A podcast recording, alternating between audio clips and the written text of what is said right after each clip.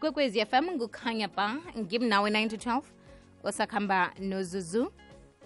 Njenganje sitshetsha ihlangothi lokukhubazeka. Sikhambisana nothulisile masilela obuya empumalanga mental health society. Sikhuluma nge-corporate wellness. Namhlanje thulisile? Uvukile? Vukile njani mhathi? sivukile siyathokoza ukuba nawe namhlanje emhatshweni kwekwezi FM Thokoza mina mhatshi mhm. Ethulisile eh. inyanga le esikiyo le uvela bahlinze sitshetsha khulu vele. Um nasiqala ihlangothi lezempilo siqala umkhumbulo ngoba yoke into kukulapha ithoma khona. Um izinto kulapha zonakala khona kukulapha zibuye kodwa zilunge khona ngitsho Iye. Aloke nasingena lapha emsebenzini um kwenzekani ngengqondo yomuntu? Thinte kanjani? Kuyini okwenzekako lapho? Okay mhathi um ngithathe leli thuba ngilotshise woko umlaleli wasekwezi f m okhuluma ngothulisile kwamasilela i-social worker lasempumalanga mental health society. Njengoba ushwile mhashi ukuthi kule nyanga si-celebrate i-corporate wellness week so i-corporate wellness week sikhuluma nge-opportunity lakhona si-raise i-awareness yesidingo yokuthi si-create i-healthy work environment.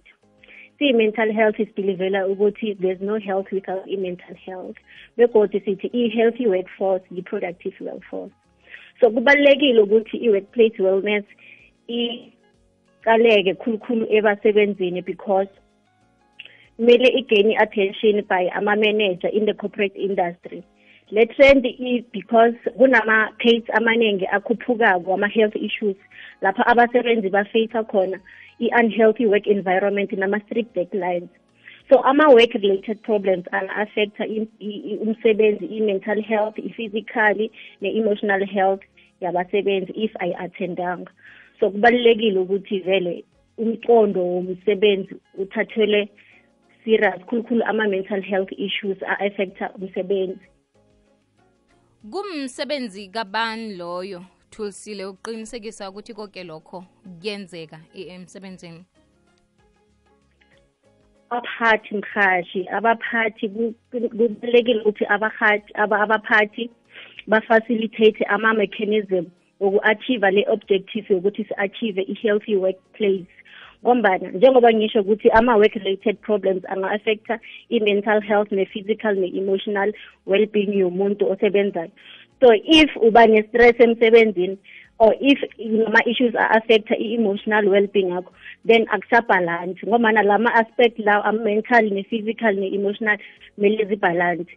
So kubalulekile ukuthi ama-employers afacilitate lama-mechanism ukumeka sure ukuthi abasebenzi baphatheke kahle ngombana if khathi esiningi sibasebenzi sispenda too much emsebenzini than emakhaya.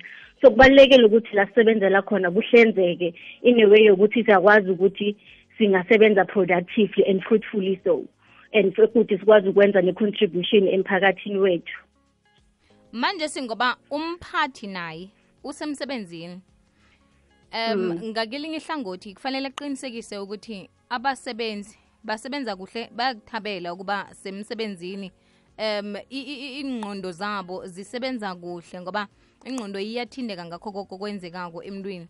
Yena-ke bese zakhe indingo ukuthi yena uphephile usebenza kuhle. Ngubani oqinisekisa lokho? Inkampani lapho. Ngombana kahle kahle vele abasebenzi nomphathi kumele basebenzisane kahle kahle ukwaze bavikele nokupromotha i-health ne-safety ne-well-being yabasebenzi bonke kodwa ne-sustainability yekampani. So ikampani kumele make sure ukuthi wonke i-mental health be it i-management be it i-staff iyaqalelelwa i-mental health yabo.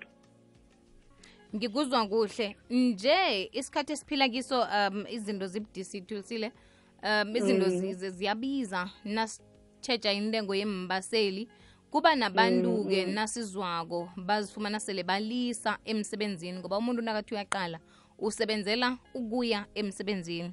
Um inyanga nayiphelako usala anganalitho. Isiqundo umuntu asithathako leso ngokubona ubudisi ungamyelelisa uthini umuntu ocabanga ukukwenza lokho kukunje uthi hawa kuyafana msukusebenza nokungasebenzi ngcono ngihlala ekhaya.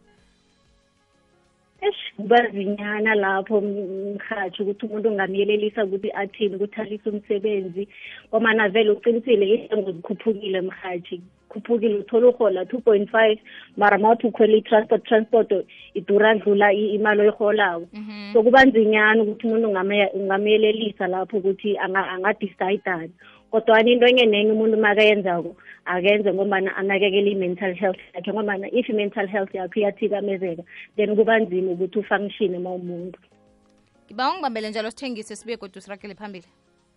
Allright imatshumi amabili nanye imizuzu ngemva kwesimbi yechumi ikwekwezi fm kukhanya ba.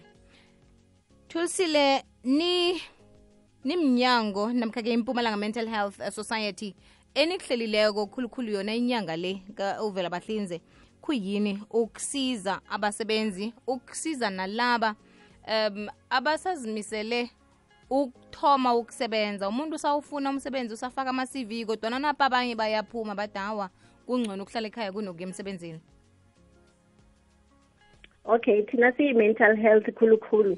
Kule nyanga siphi si-advocata sinesicelo ukuthi eh abasebenzi njengoba ngisho ukuthi basebenzise lama-wellness program. Lama-wellness program niyo azokwazi ukuthi agcugcuzele abantu ukuthi bakwazi ukuthatha siphi isinqumo. So siyi-mental health society thina sinawo ama-activity esiwenzako njengama-counseling sessions sawenza ama-group sessions even nama-company sawenza la khona senza ama-sessions wama-stress nama-burnout sessions ama-management uh, support sessions ama-emotional sessions nama-substance abuse. So kule nyanga si-mental health sithi abantu mabasebenzise lama-opportunity lama-educational nama-wellness program akhona emsebenzini. Makhuba kekho then bawafune njengathi eminyango efana nathi abo-mental health society lapho khona siyakwazi ukuthi umuntu singamncedisa ngama-stress management ama-wellness assessment because kubalulekile ukuthi sikwazi ukureduce lama-tension asemsebenzini sikwazi ukuthi si, si si-irrigate lezinto ama-workplace bullying. Sikwazi ukusebenzisana ukuthi sikwazi ukuthuthukisa impilo zethu sibabantu futhi nalezi zasekampanini ngomana kumele sisebenzisane sibabantu nenkampani. And then siyeke nalento yokuthi i-mental health. Ngomana esikhathini esiningi i-mental health sibona ku-invisible compared to ma-physical illnesses. Abantu abahlangabezana nawo so kile nyanga siyi-mental health sidinga indaba yokuthi abantu basebenzise ama-wellness program akhona emsebenzini wabo makangekho then they can refer them to ama-companies ama, ama anjengathi abo-n g o. Lapho si-prioritize khona i-mental health mhaji kuyezwakala aloke sinifumana njani thulisile okay thina kutholakala kumpumalanga mental health society at gmail com. Pumalanga mental health society at gmail dot com. Namkha ningasithola ku-zero eight one four five four four two eight eight. Siyathokoza. Thulisile sithokoze khulu ukukhulumisana nawe. Thokoza mina mhathi